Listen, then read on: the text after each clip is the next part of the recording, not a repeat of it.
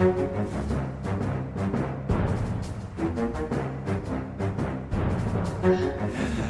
Nei, men Da ønsker vi velkommen til en ny Aftenpodden. Jeg er Lars Glomnes, med fra fjellet. Politisk redaktør Trine Eilertsen. Bli som en lerke. Absolutt denne uken her, ja. Mm. Og i studio, Sara Sørheim, kulturredaktør. Hallo. Hei, hei. Trine, du er oppe på om ikke, er det, Hva heter det? Snaufjellet? Hvor er det, hva heter det egentlig omtrent der du er? Det heter Tempelseter. Det er det vi kaller vi da så holder til det. Solsiden av Norefjell. Uh. Ja, Eggedal, Sigdal County.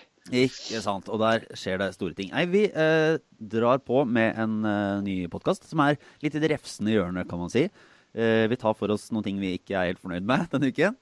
Eh, så eh, folk får ha litt tålmodighet med at dette er en form for eh, terapi og noen runder til å gi klare beskjeder, da. Ja, men det er liksom vårt kommentarfelt. Ja. Vårt personlige Vårt kommentarfelt. personlige kommentarfelt, for det er folk som trenger å få en klar beskjed. Ja. Det blir litt eh, Det er vaksiner Ja. som eh, hvil, eh, Trine, hvilken side av vaksinespørsmålet er vi på? Ja, du kan jo undre deg på det. Altså, vi, vi er så for vaksine at jeg kunne nesten hatt Trine Vaksine Eilertsen. Kunne jeg hatt. Fordi- Og når Trine er så for deg, da er jeg og Lars også uansett for deg. Det er stiller jo litt oss sånn det funker. trygt i rekke. Nei, for det, altså, det er jo nyheten om at tre nordmenn eh, kom på onsdag, var smittet av meslinger. Uh, nå ser man jo det stadig vekk i flere, både i, i flere anledninger i Norge og i uh, andre vestlige land som egentlig skal være forskånet fra problemer med, med alvorlige sykdommer av denne typen. Mm. Uh, fordi vaksinen er et allmenntilbud. Men det hjelper jo ikke alltid på, og ingen av disse tre var vaksinert. Så kan det være ulike grunner til det, men, eh, men du ga en klar beskjed på Facebook i går, eh, Trine, til de som avstår fra å vaksinere barna sine. Ja, det, det må de slutte med eh, med en eneste gang. Jeg mener det er en, det er en borgerplikt å vaksinere seg selv og barna sine. Vi holdt på å utrydde, og egentlig var jo meslinger utryddet i Norge. Mm. eh, Og i land vi liker å sammenligne oss med. Og så er det begynt å dukke opp igjen. Noe av det går an å forklare for du har, det kommer folk fra andre land som ikke har samme eh, vaksinetilbud som vi har. Men de som bor i landet og har det tilbudet, og sier nei fordi de har en eller annen konspiratorisk nøttebegrunnelse, de må rett og slett skjerpe seg av hensyn til sine omgivelser. Dette er samfunnsansvar, og de er nødt til å tenke annerledes på det. Og de er nødt til å sette seg inn i saken. Og slutte. Vet du hva det er som skrev i kommentarfeltet i går? Det er plassert så mye kreft i vaksinene. Det er derfor det er så mye kreft i verden. Og det er Frimurerlosjen som står bak. Du vet, Da er det jo mer enn vanlig skepsis som ligger bak. Men dette går rett inn i egentlig hele den der disinformasjonsgreia som vi lever med nå. Altså hele fake news-sekkeposten. Fordi dette er jo folk som er overbeviste om at eh, det er direkte farlig å ta vaksine. Og at det eneste rette å gjøre er å ikke ta det. Og det, er liksom helt sånn, og det hjelper jo ikke å bare skrive den ene artikkelen etter den andre liksom, som er liksom fulle av fakta. For dette er sannsynligvis en gruppe folk som ikke tar til seg den typen eh, liksom, artikler, eller hører ikke på Aftenpodden, kanskje. Det er derfor vi håper at de 30% av Aftenpodden-lytterne som, som er mot vaksiner, de, de, skal, de, de skal lære noe. Ja. men er, det, så, også, ja, er det så mange? Nei, nei, nei. det nei, nei, nei, nei, nei, nei. det var fake news. Det var fake news. Ja, Men hele den ideen om at eh, Altså hele den mistroen mot eh, liksom storsamfunnet, da. At du virkelig tror at uh, på en måte, the man der ute, eller en eller annen sånn, de som styrer, liksom vil deg vondt. Er, det er jo dypt tragisk og veldig veldig alvorlig, selvfølgelig. Bare at den mistilliten er der, åpenbart. Eh, og så er det jo helt konkret eh, rett og slett farlig. Eh, og det, jeg kjenner at jeg tar det jo personlig òg, når man har små barn sjøl. Altså det derre jeg tror man er rundt 16 måneder før man får den meslingvaksinen. Jeg vet ikke hvorfor det er akkurat der man får den, men, men det betyr jo at man er liksom ubeskytta. Altså de små babyene ikke har fått vaksine. Og hvis det da er en eller annen sånn herre, eh, vaksinemotstanderforelder i barnehagen, eh, så blir, kjenner jeg at jeg blir sånn vet du, Det er ikke greit. Hvis, du smitter, liksom, hvis barnet ditt smitter andre barn, og så er det jo en utrolig farlig sykdom. Så det, det er sånn, det er liksom vanskelig å ikke ta, nesten ta personlig. Men hva er, eh, hva er løsningen? Går man til et påbud? Går det an å gjennomføre? Er det noen faktiske måter å, å, å løse dette på, annet enn med pekefinger og voksenopplæring? Ja, altså, eh, det, det har jo vært diskutert. Skal du påby foreldre å vaksinere barna sine, og skal du påby eh, helsepersonell å la seg vaksinere? for ulike sykdommer. I Norge har vi ikke sånne påbud. Og Et viktig argument eh, mot et påbud det er jo det at vi kan, vi, altså vi kan ikke få et samfunn der alt som ikke er forbudt, er påbudt. Det vil vi jo ikke ha. Eh, sånn at det har fungert utrolig godt, det norske vaksine, vaksinasjonsprogrammet, med rett og slett å informere foreldre om eh, fordelene med det. Og de aller, aller fleste barn, altså godt over 90% har, eh, har gått, eh, gått gjennom det programmet. Eh, Og de blir fanget opp hvis de, hvis de, hvis de nå mot formodning skulle glemme det eller glippe på det. Så, så er det noen som har tatt tak i det, og det har fungert godt. Og på helsepersonell har heller ikke vært sånn at, at vi skal påby det. Men det er jo klart at diskusjonen kommer jo opp igjen nå, når du ser at det er folk som aktivt velger det vekk av, eh, av irrasjonelle grunner. Eh, og en, altså en eh, viktig grunn, Vi har jo hatt kjendiser i Norge som har stått frem med barna sine og sagt at uh, vaksiner er farlige og du kan få bivirkninger som gjør de til autister og gud vet hva. Veldig, veldig farlig aktivitet de holder på med. Og, og på en måte smitter andre med sin eh, ja, litt sånn amatørmedisinske innsikt, ting de har lest eh, på nettet, særlig fra USA, og som de faktisk tar med seg hjem og bruker sin kjendisstatus til å spre. Og det er klart at Når du får en del sånne bevegelser, så må du diskutere, må du diskutere påbud. Selv om jeg, jeg er jo veldig generelt skeptisk til påbud, må jeg innrømme. Jeg sitter langt inne. Ja, men det er liksom også den eh, hele, Det er så provoserende også at når det fins ting som er eh, takket være liksom menneskehetens liksom, fremskritt her, altså forskning og mange, mange tiår med liksom, hard kamp mot farlige sykdommer, eh, og så velger man bort den vaksinen fordi man liksom tror man vet bedre selv. Det er også helt sånn eh, ja, men så, Jeg tør ikke trekke det så langt, men du får sånn følelsen av sånn ja, Var hele dette prosjektet liksom, med kunnskapssamfunnet bare helt bortkasta? Altså, det, ingen, er liksom, det er ingen, har ingen effekt. Kunne like så godt bodd i Det kunne vært 1500-tallet, liksom. Er sånn pre-opplysningstid, måte å tenke på. Det, men heldigvis skal jeg ikke overdrive, det gjelder jo ikke så veldig mange. Uh, men, men det er liksom det er litt sånn alarmfølelse at det hele tatt er et problem. Og så er det én ting med de små barna og det å, å være skeptisk til å vaksinere sine egne barn. Det kan jeg kanskje lettere forstå, faktisk, sånn rent sånn emosjonelt, at du liksom kan være redd for hva det er, og sånn, enn å være helsearbeider og ikke ta vaksine. Og hvis det stemmer det som har kommet frem nå, så er jo den ene som har fått meslinger i Oslo, er jo også helsearbeider.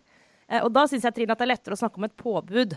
For det er ikke sånn at du må jobbe som en helsearbeider. Altså, du, okay, Hvis du vil nekter å ta vaksine, så kan du finne deg en annen jobb. Men hvis jobben din er å behandle syke mennesker med kanskje veldig dårlig immunforsvar, så syns jeg nesten at det tenker jeg, Da kan vi egentlig diskutere om det skal være et påbud. Og så, da, må du ta de tilgjengelige vaksinene. Fordi det er ekstremt sårbare mennesker. Så ja, det blir en interessant debatt fremover, eh, akkurat det. Ja, Det er ikke så lenge siden vi skrev på lederplass på Aftenposten at vi ikke skulle påby helsearbeidere det. Vi var litt sånn, vi er jo litt, litt liberalt anlagt der, men eh, jeg kjenner jo nå hvis du faktisk dukker opp tilfeller med, med smittede helsearbeidere, så må vi, vi må se på saken på nytt. Ja, ikke kom her altså, vi kan godt skifte mening. Altså, vi har prinsipper, men vi kan bytte det ut med andre prinsipper hvis de ikke Ja, når, når virkeligheten slår oss i hodet, så er det jo over til at vi må endre på mye rart. Men eh, vi ser vi den eh, går nå på. Men eh, en, eh, Sara, nå, var, i går var det noe som fyrte deg opp og du ble forbanna på. Fordi eh, selv om det nå har roet seg veldig i den Man kan si det, i metoo-dekningen, og, Ja. Giske-saken har jo eh, dødd litt Altså, eller har på en måte gått litt over. partiene Gått over i en annen fase, kan ja, du si. Partiene sitter nå og behandler sine tittalt med varsler, og har i stor grad fått lov til å gjøre det i fred de siste ukene. Ja. Og Trond Giske er i ferd med å Ja, hva skal man si? Rehabilitere seg? Er er vi, han er i gang er- med sitt politiske virke. Det Det kan kan du si. Det kan du si. Uh, så kan vi jo diskutere om det er, altså, hva det egentlig er, er han driver med. Men rent sånn deskriptivt kan vi si han er tilbake i jobb. Uh, Ja. Men eh, nei, altså det eh, utgangspunktet Jeg har kjent på en litt sånn underliggende følelse unnskyld, de siste par ukene på sånn Er det er det sånn at vi nå har blitt litt sånn sløve når det gjelder hele metoo-saken? At vi, at vi liksom har slutta å skrive om det? Sånn, du vet, Det går jo sånne sykluser på en måte i, i pressen. At en sak den står veldig på, og så går den over. Og så har jeg lurt på sånn, Er det fordi vi på en måte har slutta å stille spørsmålene at denne saken har roet seg? Eh, men så tror jeg egentlig at det ikke er det. Jeg tror egentlig det, det, det er reelt sett eh, roligere nå. Eh, så vi skal ikke heller liksom piske opp i, eh, i vannet sånn uten grunn. Så det er kanskje greit at det er litt eh, sånn mellomfase. Uansett. Men litt, jeg har en sånn liten sånn følelse av at det er sånn, hm, nå må vi ikke slippe tak i dette. Og så, eh, i går kveld da når jeg satt i sofaen og slappa av, så kom det en sak på NRK som gjorde at jeg bare Da kjente jeg meg sånn Da jeg ble så forbanna. Det, virkelig. Altså, vet du hva? Nå må dere skjerpe dere, og særlig fordi NRK av alle har et særlig ansvar for redelighet i sin journalistikk. Eh, og nå skal jeg kanskje begynne å si hva det var. Ja, men, og eh, nå setter vi oss opp på en veldig høy hest, og så Ja. klabber vi til NRK alt det vi klarer. Ja, jeg skal faktisk finne fram igjen. Altså, det var eh, et innslag fra Midtnytt. Nå skal jeg spare meg for å nå noe sånn distriktskontor-agg. For det er egentlig helt irrelevant at det var derfra. Men det var en reportasje fra eh, Trøndelag. Ja, altså, var fra var det, kanskje Møre og Romsdal? Surnadal? Surnadal. Ja. Ja. Ja, Surnadal. Uansett, da. Det var en reportasje som fulgte Trond Giske eh, på et eh, møte i det lokale Arbeiderpartilaget. Eh, hvor han holdt en tale og var kveldens hovedgjest. Eh, og så sier da NRKs reporter eh, i innledningen til denne reportasjen at her ble han tatt veldig godt imot, Trond Giske, milevis unna den urbane metoo-eliten. Ja, var, ja, var, ja, den, Det var da det klikka for meg. da, da satt du der i uh, den urbane metoo-eliten, i bobla di På Briskeby. Ja. på Briskeby, og klikka litt. Ja, nei, men altså det uh, eh, Det er mange ting her som Det var liksom en, liksom en uskyldig setning eh, i en eh, litt sånn koselig reportasje. Som jeg hører med dere, dere har sett den dere også, om dere er enig i min eh, beskrivelse, da. Men det var en veldig sånn eh, det var en reportasje som kunne vært om en hvilken som helst politiker som liksom dro hjem til, eh, til liksom røttene, eller hjem til eh, en slags sånn folkedypaktig setting, hvor liksom man kunne snakke med ekte mennesker. Eh, og så var liksom hele setupen var da at her kommer det en politiker som har vært gjennom en tøff periode. Og den setningen, den urbane metoo-eliten, den bygger på et premiss om at det er sånn at det er en liten elite i Oslo som har brukt hele dette metoo-komplekset i en maktkamp mot denne politikeren fra Trøndelag. Det er et setup der, og det mener jeg det er helt falskt premiss. Og hvis den blir stående som en sannhet, så eh, blir på en måte hele den saken her fra nå av helt feil. Uh, hvis det er sånn NRK skal dekke den. da. Men jeg vil høre hva dere det- sier, om, om jeg liksom om, om Er dere enige i den beskrivelsen min? Ja, altså jeg, jeg så også den saken, Sara, og jeg ble, jeg ble, også, altså jeg ble veldig irritert. fordi at altså, Jeg har vært skuffet over en del trøndere i Arbeiderpartiet eh, som har hele tiden snakket om denne saken som først og fremst en maktkamp. Mm. Og så er det maktkamper i Arbeiderpartiet. og At de blir så intense og setter seg så på tvers av alt mulig, er en del av en svakhet for partiet. Eh, Men de, de klarer ikke å slippe at denne Giske-saken handler først og fremst om maktkamp, og ikke først og fremst om seksuell trakassering eller grenseoverskridende atferd. Eh, Og da eh, mener jeg, og jeg mener jeg har litt, eh, litt grann, troverdighet på det. Jeg har brukt si 90% av livet mitt utenfor Oslo. Jeg har brukt absolutt største delen av mitt journalistliv utenfor Oslo.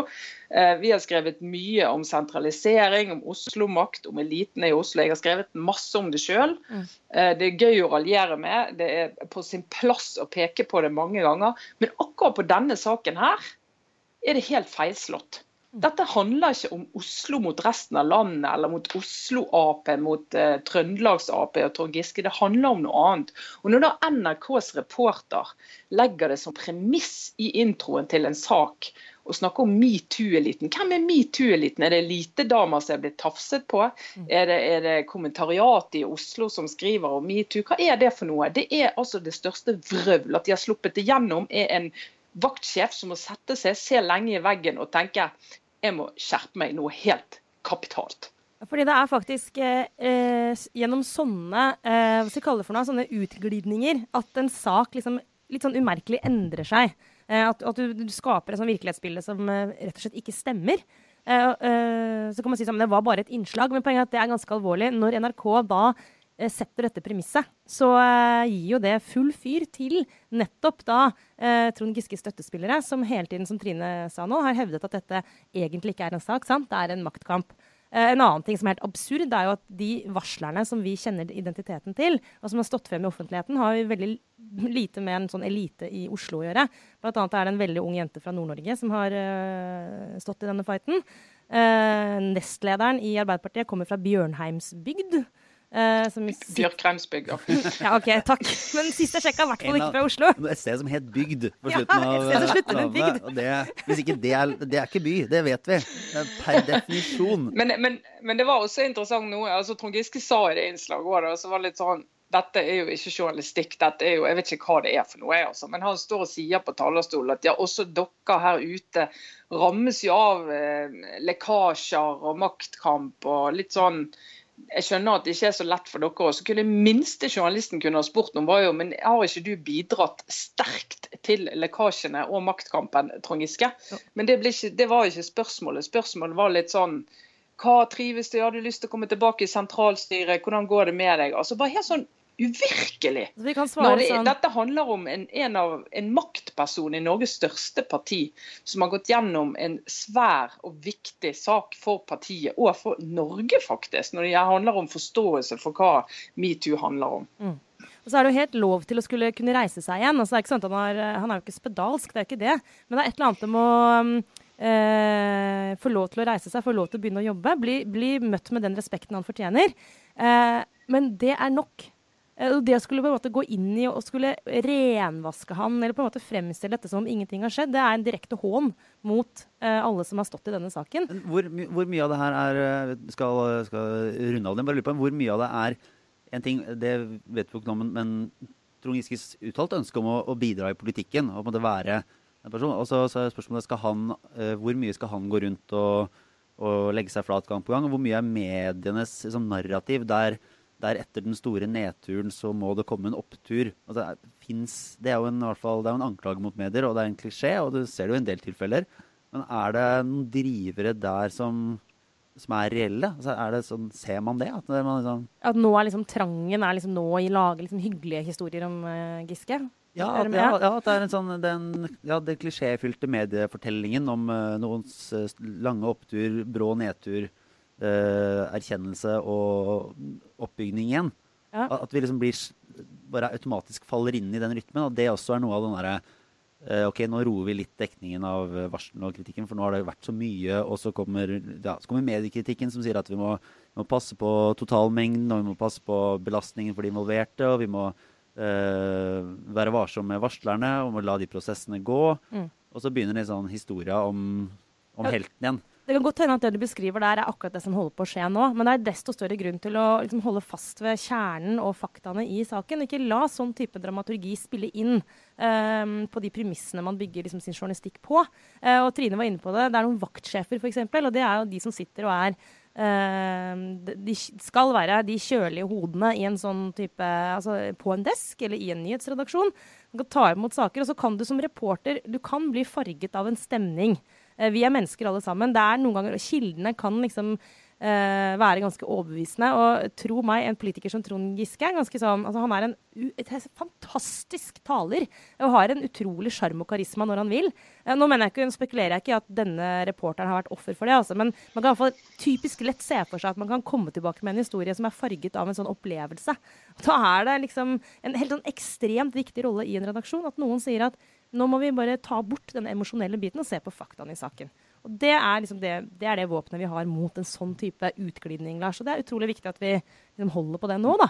I en sak som metoo, som er så full av følelser og drama og skjebner og sånn, så er det nå engang faktaene vi liksom driver med. Ja, og Da tror jeg vi runder av den uh, biten. Så kommer vi litt mer uh, storting, litt mer pengebruk. Og litt ja! annet faenskap. Dårlig uke for politikken, dette her også. Eller ikke for nødvendigvis politikken, men for de som er satt til å forvalte eh, politikken, kanskje. Eller i hvert fall våre felles verdier. Eller en eller annen måte jeg prøver nå å komme meg inn på stortingsbyggeskandalen uh, ja. på. ja, fordi, og det her, her må jeg Jeg sa det til Sara i stad, Trine, at jeg, jeg, vet ikke om jeg er litt del av den, kanskje en generasjon eller tanker som er sånn Alle sånne statlige prosjekter og allting blir jo en milliard dyrere enn det det skal være. Er det ikke er ikke det egentlig vann? Hvorfor blir vi overraska hver gang? Det er, det er, jo sånn det er. Er det grunn til å være så irritert på dette her, da? Ja, altså, Du, har jo helt rett. Det, det løper jo løper ofte av gårde. Og denne, denne her stortingsutbyggingen, eller hva vi skal kalle det, startet jo i 2011 som et sånn 70 millioner kroners oppussingsprosjekt. Eh, som har est ut til en 2,3 milliarder kroner stor skandale ja. i løpet av, av, de årene. Og Det er jo, det er jo egentlig ganske utrolig. Altså, altså, du har mange overskridelser i, i statlig regi, men dette er jo i en, vil jeg si, en egen liga. Eh, og så er det litt eh, kjente ting som skjer hver gang. Det er at eh, du starter med et lite prosjekt, og så eser prosjektet ut etter hvert. Altså på den måten at du legger på nye oppgaver. for Vi skal ikke bare pusse opp, vi skal bygge noe nytt. Vi skal utvide her, vi skal bygge på der.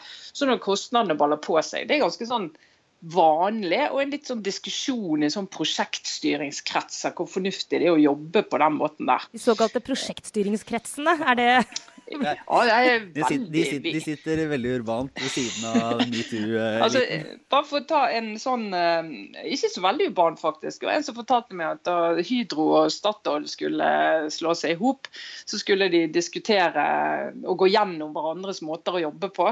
Eh, og disse holder jo på med prosjekter i en helt annen liga enn 2,3 milliarder. Da snakker vi jo mange titalls milliarder kroner. Eh, og da var det litt sånn, Sayingen var at Statoil sine sprakk alltid, og ble alltid større enn der de startet. Mens Hydro de klarte å holde seg på, på, eh, på rammen og budsjett. og det var liksom Hvorfor det? Og da var, etter det, Ifølge kilden min da, så sa de at i Hydro der, der, la de aldri på et prosjekt før de hadde avsluttet den første delen. Altså Først så sa de ok, dette er prosjektet, nå bygger vi det. Og så alltid noen som kommer med masse gode ideer. Det kjenner vi fra inne hos oss og alle IT-prosjekter. At ja, vi må det, og vi må det, og vi må det. Så sier jeg nei, vi kommer ikke med noe nytt nå. Nå gjør vi ferdig det, og så lager vi et nytt prosjekt med en ny ramme. Altså en litt sånn Noen vil oppleve en litt sånn kantete styring, mens i Statoil var det mer sånn ja, ting est litt ut og vokste litt på seg og la på seg og skli ut. Pluss at selvfølgelig det var teknisk veldig vanskelig, alle de prosjektene, så de ble veldig dyre. Men det er jo en sånn diskusjon. Men på stortingsprosjektet da, så har det est ut i kombinasjon med at det har ikke vært styring. Mm. Og legg til at du ikke har informert Stortinget, bevilgningshaver, godt nok om prosessen underveis. Og Det er på en måte alle kriteriene for en skandale. Og I tillegg har du en ledelse i Stortinget som ikke makter å ta ansvaret.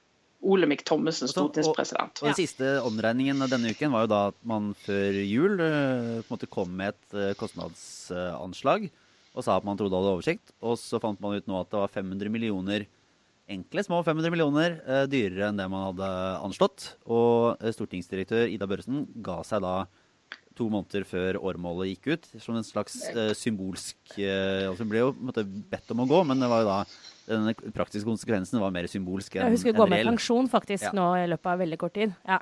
Som jo er eh, en litt Det ser ut som en klassisk sånn syndebukkøvelse eh, fra utsiden. Eh, særlig fordi eh, eh, presidenten selv sier at ja, det var helt umulig. Altså, han eh, husker ikke helt ordrett hva han sa, men, men han fremstilte det som at det var veldig vanskelig å skulle overskue denne siste budsjettsprekken. Og at det, det, var ingenting som tydet på det, og at det liksom går ikke an å kritisere han for ikke å ha sett det. Men det, mm. det er litt sånn interessant. Jeg fant nå før sending bare tilbake til vår artikkel fra juli, eh, hvor det er et intervju med Michael Tetzschner, som etter at dette har vært oppe i kontrollkomiteen, som sier at jeg blir svært overrasket hvis dette her kommer til Altså hvis prislappen til slutt blir på under to milliarder. Altså, han antok bare at det kom til å bli liksom, en enda større sprekk. Og det var helt åpenbart for han i juli. Så eh, Sist jeg sjekka, så burde liksom eh, Michael Tetzschner og Olemic Thommessen vært i stand til å utveksle informasjon seg imellom. Altså, det er liksom rart at dette har gått stortingspresidenten sånn hus forbi. Så det er en veldig lite troverdig jo, forklaring. Det er jo litt eh, Man ser det jo disse, Det kommer av og til noen overraskelser i prosjekter. Vi har hørt eh, den, en andre ting som vi ikke skal gå egentlig mer inn i, men, men det ble jo klart denne uken også at intercity-utbyggingen blir eh, utsatt og liksom stokket eh, om på. Og da hørte jeg i Dagsnytt 18 der uh, sjefen for Bane Nor forklarte at ja, det var helt logisk at vi må ta dette i en annen rekkefølge. fordi hvis vi skulle ta alt på en gang, så ville det bli kaos på Oslo S. For da, da måtte man stenge det i alle retninger, så må alle ta buss. Sånn, og det var det ingen som hadde tenkt på for et år siden. Sånn, er, er, er, ikke, det, ikke, det er liksom ikke sånn at Nei, nei. I mellomtiden så uh, falt det ned en kjempestor stein fra himmelen som vi må bruke to år på å rydde unna uh, linja, liksom. Det er bare Her er det Nei, det stedet der vi skulle bygge det ut. Hvis vi skal gjøre det, så, så blir det kaos. Ja, og kaos på Oslo S, det bør man liksom kunne klare å forutse ganske greit. Bare én kjøreledning uh, så faller ned, og så er det, er det jo helt Men, men, men liksom, det, det, er jo, denne saken har jo flere sider. En ting er jo da liksom, selve budsjettsprekken. Altså hvordan den kunne skje, og da uh, hvordan prosjektet kunne være så dårlig styrt. Og det må man jo gå inn og undersøke. Uh, det har jo blitt gjort, men det må man gjøre ennå altså, Sånn kan vi ikke ha det. Den typen elendig forvaltning av et prosjekt, det, det går ikke. Det er jo liksom, skattebetalernes penger osv. Det er én bit av det. Uh, så er det jo den andre biten som Trine var inne på, som er når det først skjer. Eh, I hvor stor grad klarer man å håndtere det og være ærlig og liksom ikke prøve å redde sitt eget skinn, men å være tydelig, dele informasjon, eventuelt ta konsekvensene. Eh, og det, her virker det som det har svikta liksom, på begge sider. da. Eh, og det er jo eh, alvorlig, fordi det undergraver eh, også en helt sånn nødvendig tillit til at de folkevalgte, og også da presidentskapet på Stortinget, som er liksom, det er ekstremt mye makt samlet. Og der eh, må vi ha en sånn forventning om at det sitter dyktige mennesker. Og når den tilliten forvitrer, så, så blir det ganske sånn Det kommer til å ta ganske lang tid å ordne. Så det, så det er liksom Ja. en sånn ja, side ved denne saken. si, jeg, jeg reagerer på når både stortingsdirektør Ida Børresen og stortingspresident Olemic Thommessen peker på Multiconsult, altså rådgivningsfirma, og sier at en viktig grunn til at dette skjer, det er at de fakturerer helt ellevilt og har ikke kontroll på det de driver med.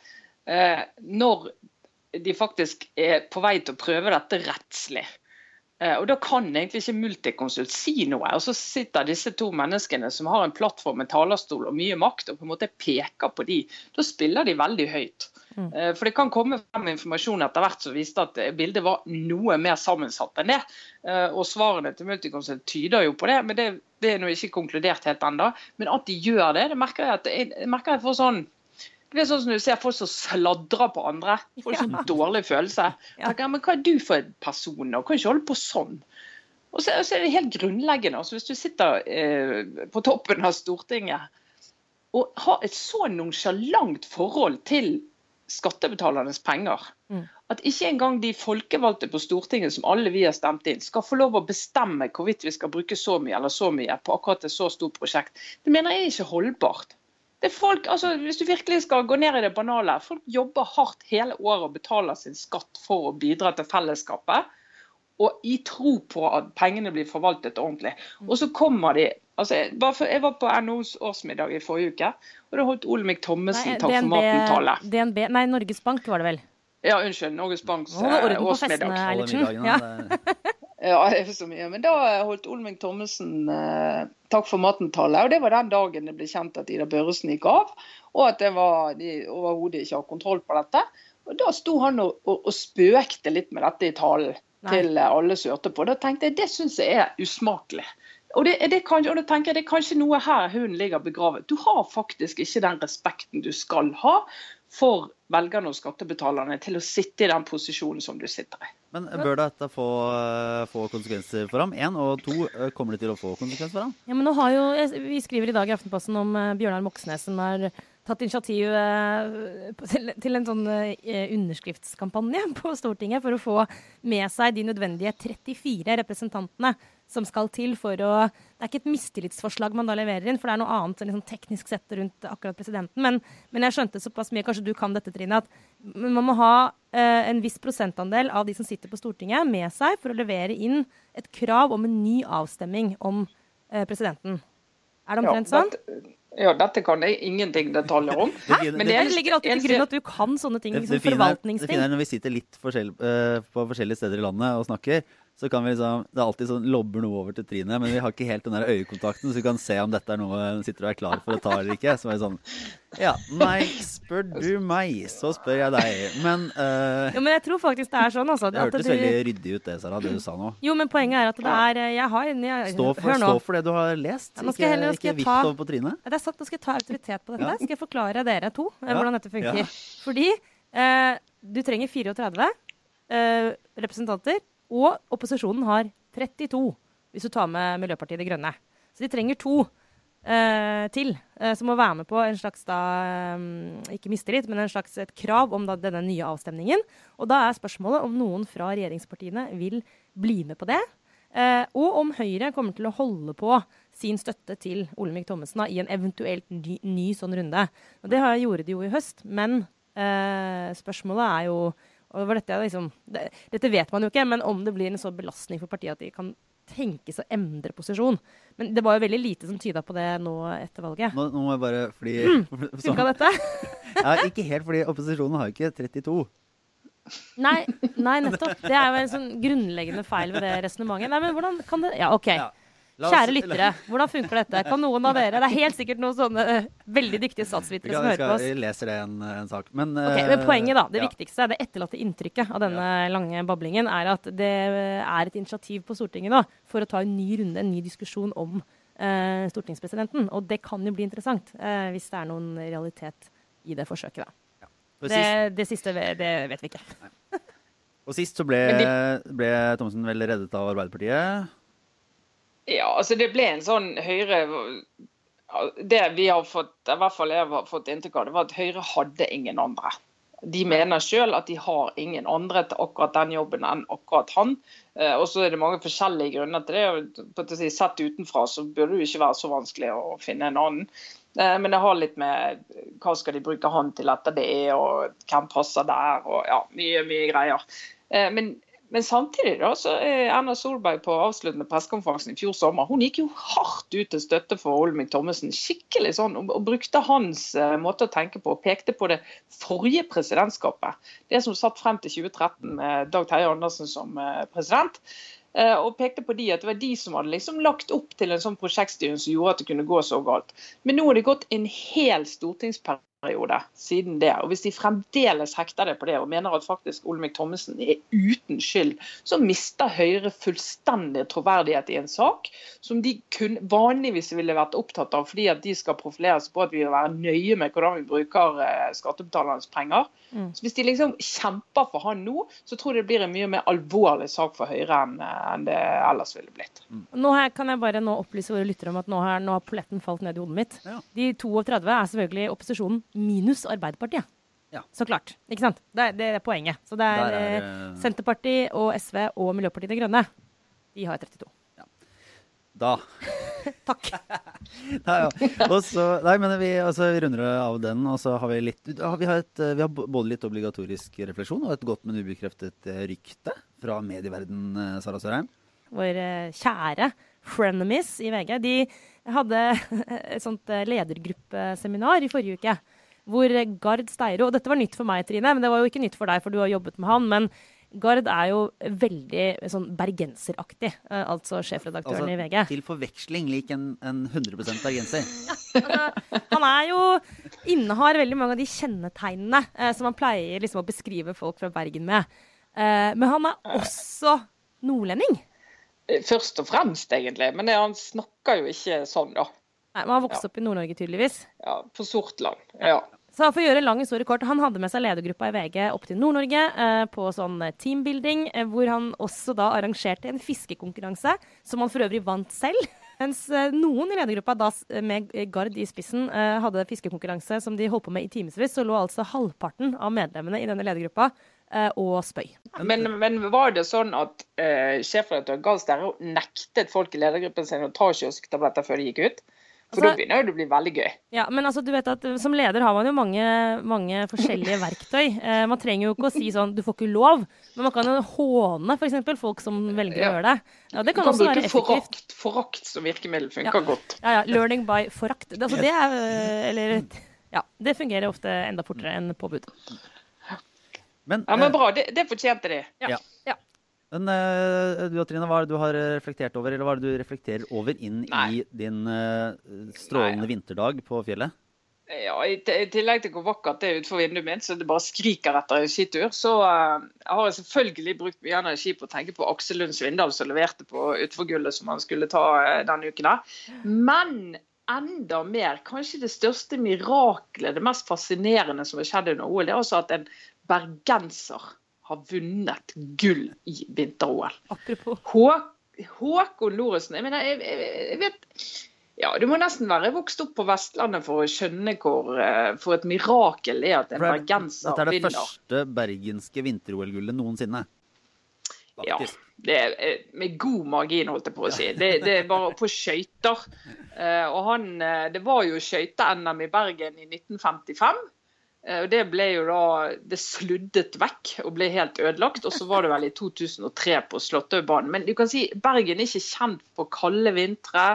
Er masse skøyteis og sånn eh, ishockey og vinteridrett og den type ting. Det er ikke det vi helt eh, har profilert oss på i Bergen. Det kommer ikke i farten på hva vi har profilert oss på av idrett. Sykling, faktisk, er god en periode.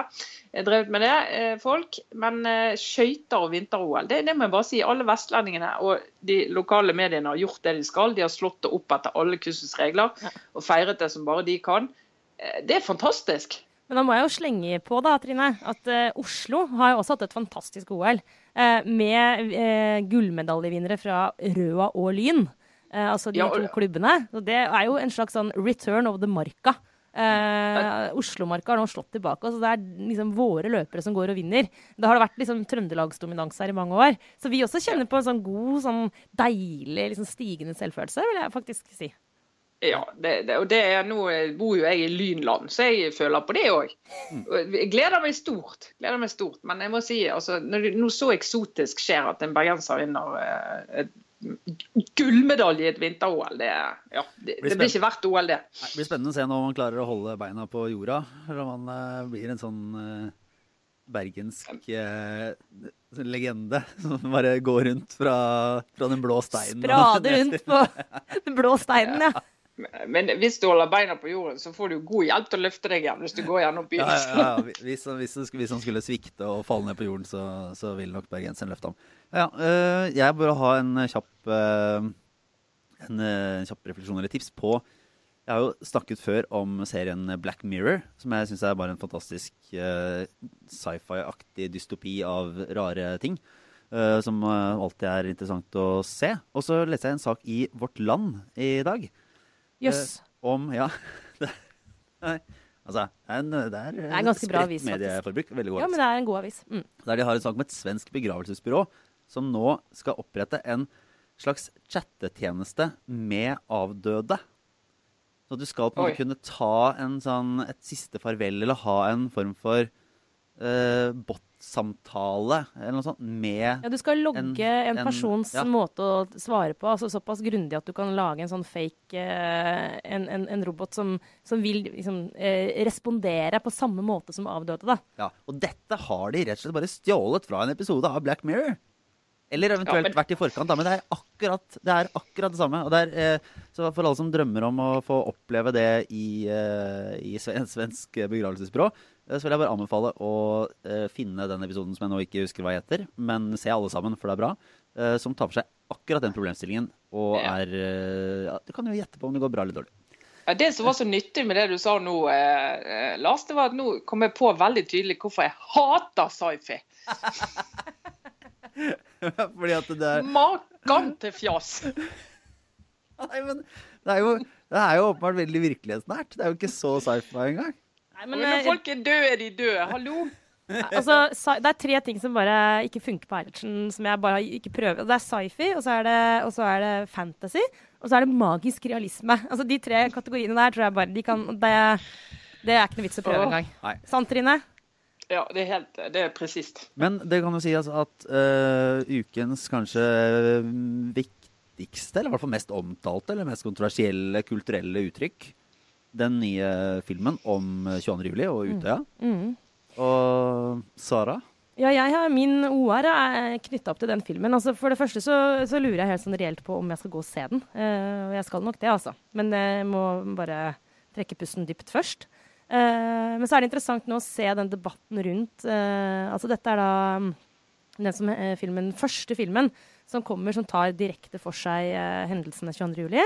Det er Erik Poppe som har laget den, og dere har sikkert eh, mange av våre lyttere lest om den allerede. Hadde premiere, eller en slags sånn førpremiere i Berlin på filmfestivalen denne uka. Eh, og har altså rett og slett Det er, det er fiktive hovedpersoner, men hendelsene på Utøya dokumenteres eh, gjennom en sånn litt over 70 minutters lang tagning. Én tagning, hvor du følger liksom det helt sånn Unnskyld helt sånn forjævlige minuttene uh, der ute. Uh, og så har filmen fått uh, bra, vil jeg si, mottakelse sånn jevnt over, men det har også vært litt kritikk mot den. Og det syns jeg har vært veldig interessant å lese alle de ulike anmeldelsene. Mange skriver at den er helt forferdelig å se på, men at man bør gjøre det. Så det er en sånn ting man bør liksom, Vi må orke å ta inn over oss dette en gang til. Eh, mens andre skriver at uh, altså, jeg, Sånn som i 'Natt og dag' er det en veldig god anmeldelse av filmen, Uh, hvor, hvor hun Karima Furuseth, som har sett den, sier at den ligger litt for nær klisjeene. Og hun stiller spørsmål ved Poppe, altså regissørens uttalelser om at dette har vært en veldig vanskelig film å lage. Og at det har vært veldig vanskelig etisk, åpenbart, å gå inn i dette. Så sier hun ganske sånn presist at ja, men det valget tok du da du bestemte deg for å lage filmen. Eh, det var ingen som tvang deg til å gå inn i dette og lage en spillefilm. Så hun, hun fremstår det som ganske sånn litt sånn skinnhellig å, å, stå og snakke om hvor vanskelig det var. Han kunne bare latt være. Det er en veldig mm. interessant analyse, fordi måtte vi lage en film om dette? Tenker dere om det? Nei. Men det, det vil lages vel flere filmer? Kommer flere kommer filmer, fire, og Netflix ja. lager serier? sant? Det, jeg kan jo bare kjapt si altså Det kommer uh, han Greengrass, altså amerikansk uh, film basert på Åsne Seierstad sin bok 'En av oss'. Og så kommer det en norsk TV-serie som Pål Sletthaug og Sara Johnsen har regi på, som uh, tar for seg Uh, hendelsene sett fra en redaksjon, faktisk uh, basert på Aftenposten. Uh, og så er det også en svensk serie som er under produksjon. Så det er i hvert fall fire vi vet om som kommer nå i løpet av neste, altså, ja, det neste året. Mm. Det, er det, som er noe av det interessante, er jo tidsperspektivet på hvor snart det kommer, og noe som er så nært. og det, er jo, det framstår jo som naturlig at en så stor hendelse på et vis behandles kulturelt og gis At det gis innsikt og, og kobler seg på det med et kunstnerisk uttrykk. Men det er jo en utrolig smal sti å gå opp, da, og ganske vanskelig balansegang. Og hvem vet om det er for tidlig eller ikke. Det er jo litt vanskelig å Jeg ser jo Jeg vet ikke om kritikken eller det jeg har lest av anmeldelser så langt, er også, det er jo veldig positivt. Og det virker litt sånn positivt fordi det oppleves som viktig, og det oppleves som sterkt. Og så kan man jo lure på om det er, er det egentlig det samme som at det er bra. Eller, altså, det er litt den derre ja, I journalistikken alltid snakket om samfunnsoppdraget. Altså, ja, det er så viktig at vi gjør dette. Det er sånn Ja, men mm. er, det, er det egentlig den beste måten å gjøre det på, eller er det bare at det er en viktig ting? Det er et viktig tilfelle, noe vi må snakke om, det er noe vi må huske. Vi må på en måte ikke glemme uh, det politiske bak. Vi må ikke glemme hendelsene, hvordan det var, og, og hvordan en av våre egne kunne utsette landet og, mm. og, disse ungdommene for det, dette her. Men det er jo ikke som at vi glemmer 22. juli Uh, selv om det ikke kommer en sånn film. Det er noe med det altså, uh, synes du, Kommer du til å se den, Trine? Ja, altså Sannsynligvis, men jeg kjenner jo altså Jeg husker da jeg leste boken til Åsen Seiersen, så måtte jeg ta pauser flere ganger. fordi at det, eh, det ble altså det, altså vi, vi, var jo alle hjertelig til stede i voksen alder og, og gjennomlevde de døgnene, riktignok på avstand, men du så de unge menneskene, du leste intervjuene med de etterpå, så det ble så utrolig nært og virkelig og veldig opprørende. Men det var òg godt å lese det, da. Mm. Og godt å lese det. Sånn at det, kanskje, Jeg har jo ikke sett noen av disse filmene, eh, selvfølgelig. Eh, men kanskje det går an å få en sånn opplevelse at du, at du sitter og kjenner på at ja, jeg må, jeg må ikke miste den uh, følelsen av hvor viktig det var. Så, selv om jeg tror, som du sier, at det vi som levde da, kommer ikke til å klare å miste den følelsen. Eh, men det som er litt interessant parallell, det er jo ingen som har lagd film om 11.9. Eh, om det som skjedde. Som jo hadde vært en spektakulær katastrofefilm. Mm. Det, hvis noen ønsket å lage den. Faktisk akkurat nå. altså Det er, det er lagd en altså, United 93, men det er jo om den, det ene flyet det som styrtet um, på vei til Pentagon, var det vel? Ja, Sydvel i Pennsylvania et eller annet sted, ja. altså, som, som, ikke traff, altså, som, ikke traff. som, bare traff bakken. For det, sånn. ja. det, som ikke traff noe spesielt, eller målet sitt. da. Men nå kommer jo faktisk en dramaserie som jeg det må jeg si, den, ser jeg, den fikk fantastiske anmeldelser i går. Um, den heter The Looming Tower. og Den handler mm. om, uh, om, krigen mellom FBI og CIA frem mot uh, eh, 11.9. Men, men det, er, det er klart det også er en litt sånn rundt grøten-historie. da, fordi selve liksom Det er lagd faktisk en film eller to om liksom selve hendelsen også 11.9. Uh, jeg tror jeg har sett den ene, men de er ikke blitt noe gode. Ingen, er, de, står ikke igjen, liksom. Det er ikke blitt noe sånn Ikke noen viktige filmer uh, i ettertid. Uh, altså, men jeg, jeg, kjenner faktisk på at jeg noen ganger har behov for å tenke mer på 22. juli og snakke mer om 22. juli enn jeg gjør. Jeg. Uh, jeg merker det veldig ofte når jeg går til og fra jobben gjennom regjeringskvartalet så må jeg innrømme at jeg innimellom tenker sånn vet du hva, Det er så fortsatt så nært eh, og så grusomt at jeg eh, tror egentlig ikke at vi har snakket nok om det. Selv om vi har snakket om det i, i alle disse årene i ettertid. Så i lys av det så tenker jeg kanskje det er veldig fint med en sånn film nå. Eh, og Ja. eh, at kunsten og kulturen har den derre ja, Det er en blanding av sånn katarsisfunksjon, men også det at vi får litt sånn hjelp, vi får noe å snakke på. Eh, og det trenger vi kanskje, for vi er ikke ferdig med det. Nei, nei, det er vi ikke ferdig med. Men, men bare sånn generelt syns jeg at altså Ta f.eks. norsk Norge og krigen. da, Så er jo eh, ting er blitt bedre jo lenger avstanden er blitt. Fordi at vi har kunnet gått inn i det uten alle de minefeltene som vi er nødt til å ta hensyn til når det er veldig nært i tid. Altså Generelt tror jeg det er en fordel med en avstand. Men det er mange måter å gjøre det på. Jeg vet ikke hvordan dette er løst. Det kan godt hende det, det funker. Ja, vi, får jo, vi kan komme tilbake til det eh, når vi har sett den, rett og slett. Eh, for jeg tror Eller jeg skal gå og se den. Eh, jeg vet ikke om det blir denne uken eller neste. Men eh, ja, eh, hvis noen har noen gode råd om hva man skal gjøre før man går inn i salen, og de som hører på, så får dere spille inn til oss. Ikke sant. Nei, men eh, Trine, da tar vi og sender deg ut i fjellet, Ja. rett og slett. For å komme deg ut av det lille annekset ditt og ut på, ut på skitur. Så skal vi ta oss av eh, hovedstaden imens. Så uh, takk Så gå, for det. jeg skal gå og konspirere med noen sånne elitefolk. Uh, Ja, om litt mer metoo. Ja. Vi skal drikke kaffe latte, uh, vi i metoo-eliten, borte Ja. på den dyre kaffebaren på Briskeby. Så yes. Ja. Nei, det var altså da Trine Eilertsen fra Tempelseter og Sara Sørheim og Lars Glomnes fra studio i Oslo. Ha det bra. Ha det!